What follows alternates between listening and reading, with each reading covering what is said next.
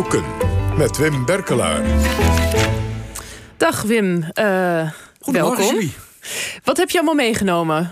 Nou, ik heb uh, weer vier uh, bijzondere titels bij me. En de eerste, daar begin ik mee, dat is uh, een lange titel, geschreven door Peter Buis. Peter Buis is ooit gepromoveerd op het begrip geluk in de 18e eeuw. En die heeft nu een studie uitgegeven die luidt... Uh, de geboorte van het moderne ik. En weer geluk en identiteit in Nederlandse ego-documenten circa 1500, 1850. Dus we zitten echt in de vroegmoderne tijd.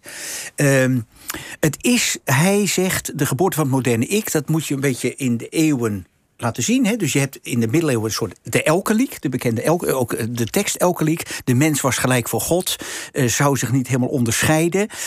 In die moderne tijd er zitten allemaal bekenden tussen, bekende humanisten. Uh, Erasmus uiteraard bestudeert hij.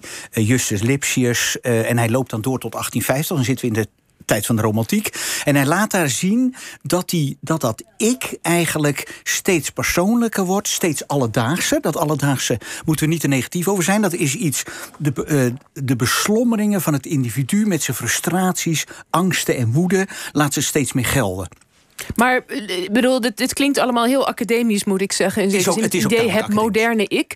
Er is blijkbaar. Een, mensen zijn niet gewoon altijd mensen geweest met emoties, manieren om over zichzelf te praten. Over... Dat is natuurlijk de goede vraag. Nee, dit is, ook een, dit is natuurlijk een ingewikkeld onderwerp, Julie, om te bestuderen. Toch is het goed dat het gebeurt. Um, het, is ook, het is een beetje ingewikkeld om uit te leggen, omdat hij allemaal van die gradaties aanbrengt. Dus dat, het, het is een beetje een academische studie. Desondanks interessant, want het is mentaliteitsgeschiedenis en je weet hoe het met die mentaliteit tijdsgeschiedenis is moeilijk te vatten.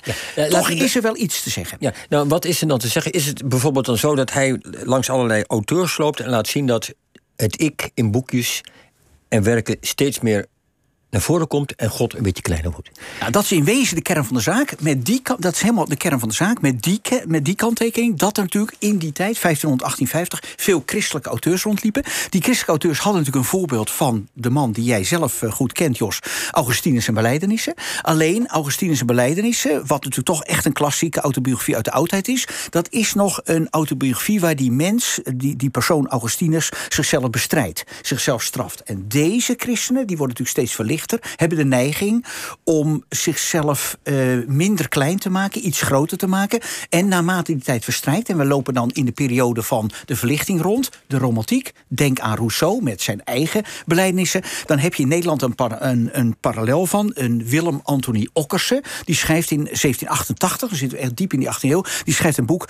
Uh, uh, algemeen een, een, een leer tot de uh, algemene karakterkunde. En dat is een, een soort onvrede met zijn eigen snelle tijd, zijn snel beleefde tijd, waarvan hij, net als Rousseau, het gevoel heeft, en dan komen we bij die romantiek, uh, dit bevalt me allemaal niet. En dat is dus een soort persoonlijke onvrede met een tijd uh, waarin de man zich niet klein maakt, maar iets groter maakt. Zo van, het bevalt me allemaal niet. Frustraties, uitingen van ongenoegen.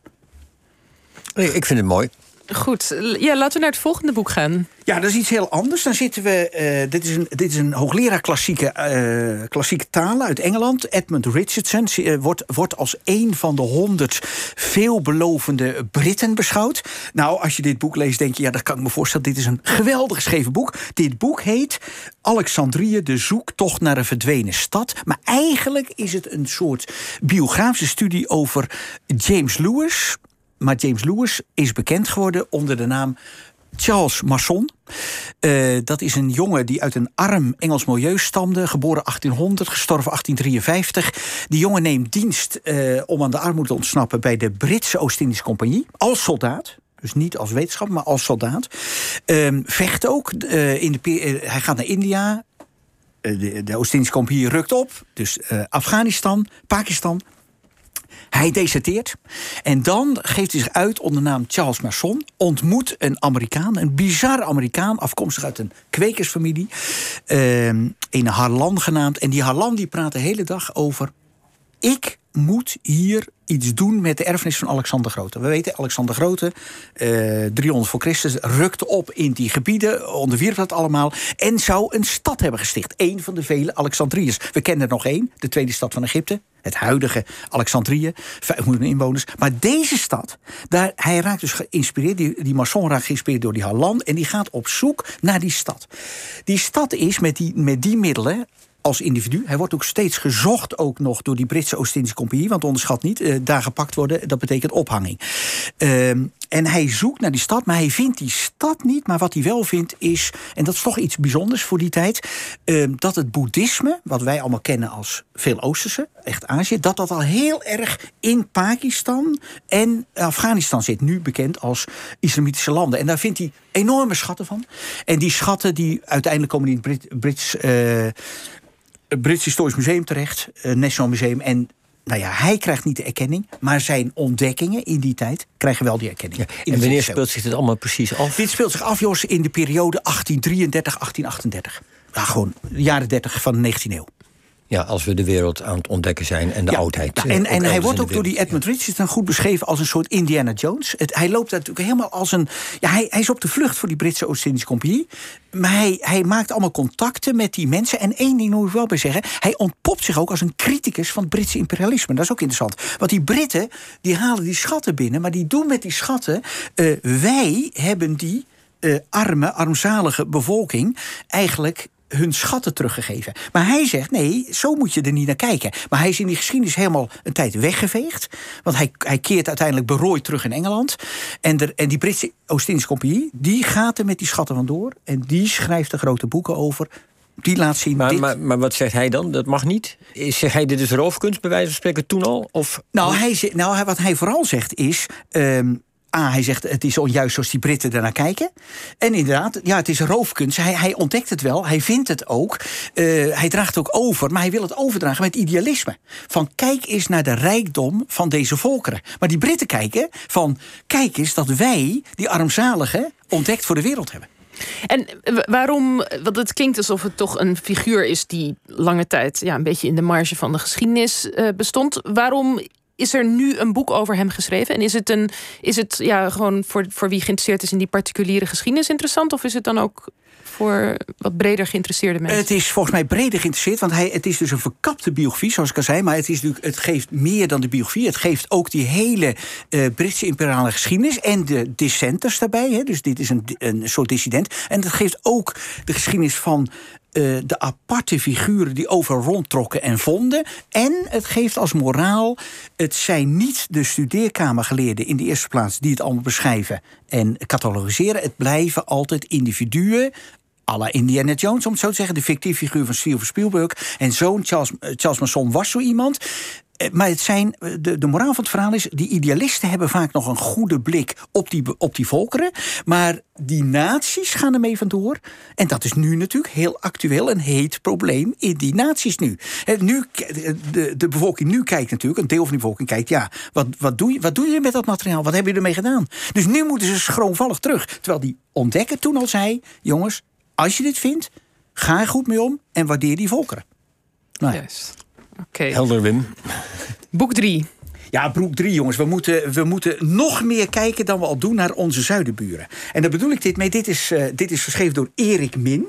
Erik Min, dat is een, een uitstekende auteur. Uh, vroeger journalist van De Morgen. Is nu voor zichzelf begonnen. Heeft al geschiedenis van Brussel geschreven. En hij schrijft nu Gare du Nord.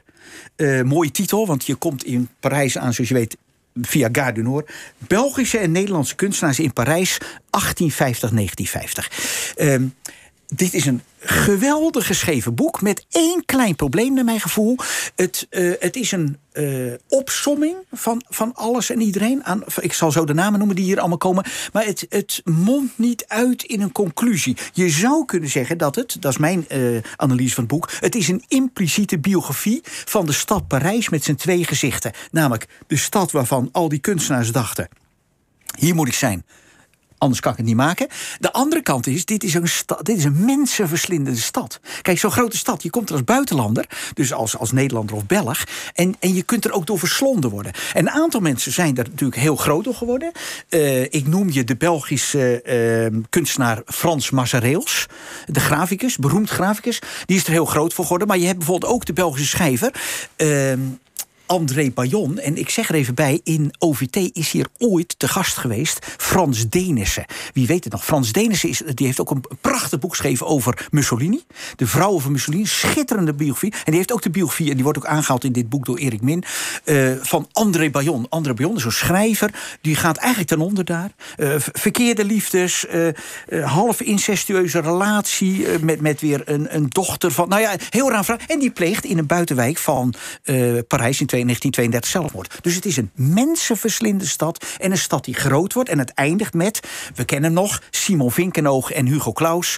Die jongens die daar komen. Maar de hoofdpersoon van die twee zijn niet Hugo Claus en uh, Simon Vinkenoog. Maar kennen we er nog? Ellie Overzier. Ellie Overzier, dat is de vriendin van Hugo Claus. Dat is een Nederlandse. Die schittert in allerlei films. En Hugo Claus komt er mee en schrijft daar in Parijse boeken. Nou, het, is een, het is een schitterend geschreven boek. Dus uh, Gare du Nord, Erik Min. Uh, het, het, nogmaals, het is een opzomming van alles en iedereen. Georges Simenon. Uh, nou ja, uh, natuurlijk Piet Mondriaan, groot geworden daar. Karel Appel, Corneille, die hele club. en dan in de 19e eeuw allerlei Belgen die, nou ja, die ik hier al een paar van noem. Georges Simenon heb ik die genoemd. Ja. ja, goed. En je hebt ook weer een boek van de maand gekozen. Daarvan mogen we twee exemplaren weggeven aan onze luisteraars. Uh, alvast even de huishoudelijke mededelingen. Wilt u kans maken? Stuur dan een mail naar boekvandemaand.vpro.nl of like ons bericht over het boek op onze Facebookpagina. En uh, trouwens, als iemand straks nog eventjes uh, dit rijtje boeken na wil kijken... wat Wim allemaal heeft gelezen, dat kan op vpro.nl slash OVT ook. Vertel, wat, wat is... nou, wat dat is, de lange titel, Julie. Dat is geschreven, het is een academisch proef schrift, eh, verdedigd bij de Universiteit van Amsterdam. Geschreven door ene Dirk Roodzand. Ik meen dat het een leraar in Zeeland is. Grote verdienste, zo'n buitenpromoventie. Doet allemaal naast zijn werk. Moeten we even huldigen. En die schrijft het boek De Armeense gruwelen, Nederland en de vervolgingen van de Armeniërs in het Ottomaanse Rijk 1889-1923. Dan zul je zeggen, 1889, eh, 1923, die Armeense genocide, die was toch tijdens de Eerste Wereldoorlog. Dat is ook zo, maar die heeft een voorspel. En dat, dat voorspel dat beschrijft hij, en hij beschrijft dan, dat is natuurlijk het centrale element in het boek, de Nederlandse reacties in de pers en anderszins op die omgang met Armeniërs in het Ottomaanse Rijk. Um, dat, die, dat voorspel op die genocide, dat begon 1894, 1897. Dat zijn dus pogroms, zoals je in Rusland pogroms tegen Joden had, had je hier pogroms tegen Armeniërs. En dat, dat dat wordt dan verklaard, ook in die Nederlandse pers. Eh, door, en dat doen ze toch wel goed. Die, Nederlandse pers is daar toch redelijk van op de hoogte. Kijk, ze, ze, ze denken meteen het is genocide. Maar het is ook. Uh, het, het, het, het, het is niet echt genocide, het zijn pogroms. En ze beschrijven het in de, in de trant van. Dit kan toch eigenlijk niet plaats hebben. En dan in 1915 Hetzelfde verhaal. Dan is het echt genocide. Dus 100.000 mensen vermoord in uh, 1894, 97. 1915 1 miljoen. En de Nederlandse pers volgt de Engelse pers. Uh, die Engelse pers is heel erg natuurlijk anti-Ottomaanse Rijk. Uh, maar hij zegt, die Nederlandse pers heeft toch een zelfstandige positie... en beschrijft dat redelijk goed met enkele uitzonderingen daar gelaten. Goed, en waarom, uh, heel kort, waarom is dit het boek van de maand wat jou betreft? Het boek van de maand, jullie, omdat het een dwingend onderwerp is... wat ons laat nadenken, stel dat er in de wereld weer zoiets gebeurt... Rwanda, jaren 90, kan weer zorgen. Wat, hoe reageren wij erop? Hoe gaan we dan? Bagatelliseren we het of nemen we het serieus? Het is een erg belangrijk onderwerp. Zo goed dat beschreven is. Goed, dankjewel Wim. En nogmaals, wie dus kans wil maken op het boek... stuur een mail naar boekvandemaand.vpro.nl... of like ons bericht over het boek op onze Facebookpagina.